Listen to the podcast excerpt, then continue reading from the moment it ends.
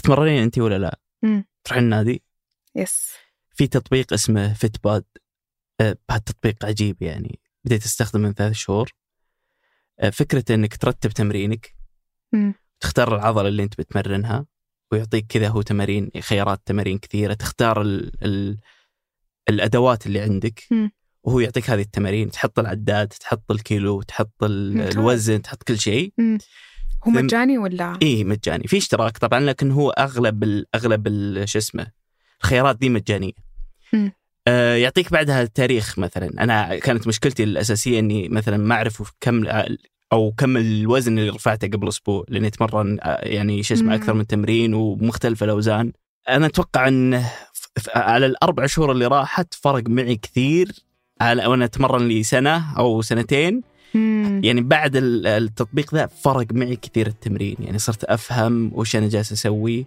أكثر أعرف ممتاز. كذا عندي. عاد تصدق فيه في, في النادي ناس يجيبون دفتر. آه يكتبون بالله إنك تقولين لهم هالتطبيق. بالله. تسويق هذا.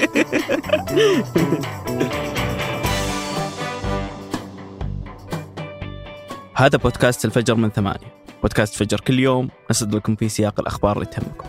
معكم أنا أحمد الحافي. وأنا ريهام الزعيبي.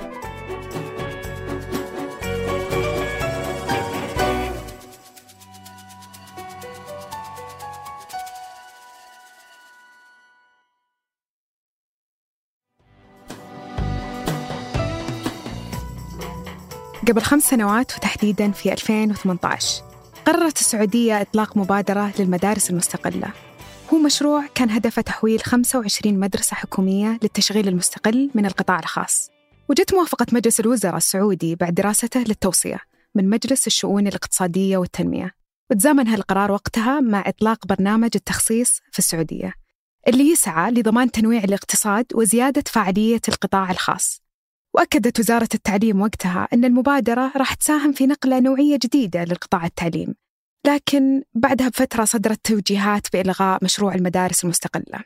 وذلك كان بعد دراسات من عدة جهات أكدت عدم جدوى المشروع وفي هذا الأسبوع أعلن نائب وزير التعليم الدكتور محمد ستيري خلال كلمة ألقاها في منتدى الحدود الشمالية للاستثمار أن السعودية بدأت مشروع لخصخصة إدارة وتشغيل المدارس وذكر أن السعودية بدأت بتنفيذها على 1300 مدرسة. وأكد أن القطاع الخاص راح يشغل هذه المدارس على مدار 20 سنة بشكل كامل. وعموما هذا المشروع مختلف عن فكرة المدارس المستقلة ولها أهداف مختلفة كليا. فالمشروع الجديد فكرته قائمة على إسناد إدارة وتشغيل المدارس للقطاع الخاص وهو أن الحكومة تعطي تفويض للقطاع الخاص في إدارة وتشغيل المدارس بعد تنفيذها وبنائها وتنفذ السعودية حاليا مشاريع بنية تحتية في قطاع التعليم عن طريق إسناد بناء وتشغيل المدارس للشركات. وبموجب هذه المشاريع راح تبني شركات المدارس خلال مدة ما تتجاوز ثلاث سنوات. وبعدها راح تقوم الشركات بتشغيلها لمدة 20 سنة بدون ما تتدخل في العملية التربوية. بحسب الخبراء فمشاركة القطاع الخاص في تنفيذ هذه المشاريع راح يحقق عدة أهداف. ومن بينها تشجيع مشاركة القطاع الخاص في تنفيذ وتشغيل المدارس. وهو الشيء اللي راح يضمن تقليل الأعباء والنفقات الرأسمالية من الحكومة. وحتى تحقق الحكومة هذا التوجه أعلنت عن برنامج البنية التحتية للمدارس الوطنية. وهو عبارة عن سلسلة اتفاقيات شراكة مع شركات وطنية من بينها شركة TBC وهي شركة حكومية مملوكة بالكامل لصندوق الاستثمارات العامة وتعتبر الذراع المنفذ لمشروعات وزارة التعليم. وبموجب الاتفاقيات راح تعمل هذه الشركة مع الحكومة عن دراسة خيارات التمويل المبتكر لبناء وصيانة المدارس الحكومية. وبدأت شركة TBC في وضع نموذج للشراكة في إنشاء البنية التحتية للمدارس. في 2019 بدأت في تسويق المجموعة الأولى من المدارس اللي راح يتم تنفيذها واللي شملت 60 مدرسة في مكة المكرمة وجدة. وأعلنت الشركة مؤخرا عن إجمالي المشاريع التعليمية التي تمت ترسيتها واللي بلغ إجمالي الاستثمارات فيها 2.5 مليار ريال. وتشير الشركة أن هذه الخطوة راح تشجع القطاع الخاص في تنفيذ وتشغيل المدارس مستقبلاً. وإجمالاً صارت دول الخليج تواجه تحديات في السنوات الأخيرة من بينها ارتفاع تكاليف قطاع التعليم. هالشيء يتزامن مع النمو السكاني وارتفاع تكلفة البناء في مشاريع البنية التحتية وارتفاع حصة موازنات قطاع التعليم.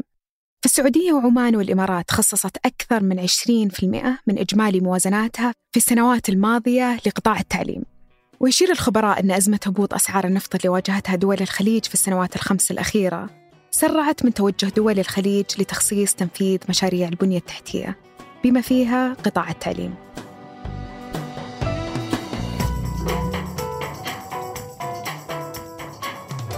وقبل ننهي الحلقة هذه أخبار على السريع. في خليج عدن أنقذت مدمرة تابعة للبحرية الأمريكية الناقلة سنترال بارك بعد ما سيطرت عليها هالأسبوع مجموعة مجهولة قرب السواحل اليمنية. وتشير التقارير أن مجموعة مسلحة مجهولة الهوية سيطرت على ناقلة نفط مرتبطة بشركة إسرائيلية في خليج عدن. بحسب تصريحات مسؤول عسكري أمريكي لوكالة فرانس بريس فالمسلحين سيطروا على الناقلة سنترال بارك في خليج عدن وأن القوات الأمريكية وقوات التحالف موجودة في محيط المنطقة وراقبت الوضع قبل التدخل. بعد سلسلة حوادث في البحر الأحمر. وغادرت السفينة المغرب وعبرت قناة السويس في 21 نوفمبر وأرسلت آخر موقع لها في 22 نوفمبر قبل إعلان السيطرة عليه على مستوى سوق النفط تراجعت أسعار الخام العالمية في تعاملات أمس الاثنين بالتزامن مع اجتماع مجموعة أوبك بلس اللي راح يكون هالأسبوع نزل خام برنت لمستوى 80 دولار للبرميل أما العقود الآجلة الخام غرب تكساس فنزلت لمستوى 75 دولار للبرميل. وذكرت وكالة الطاقة الدولية أنها تتوقع زيادة بسيطة في المعروض في أسواق النفط العالمية في 2024 حتى لو واصلت الدول الأعضاء في أوبك بلس تخفيضات الإنتاج. رفعت منظمة أوبك في تقريرها الشهري من توقعات نمو الطلب العالي على النفط العام 2023 إلى 2.46 مليون برميل يوميا بعد ما كان 2.44 مليون في التوقعات السابقة. وأبقت توقعات النمو الطلب العالمي على الخام في 2024 عند 2.25 مليون برميل يوميا.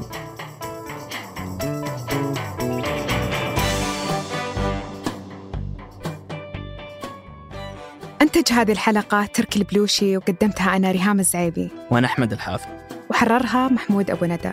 نشوفكم بكرة الفجر.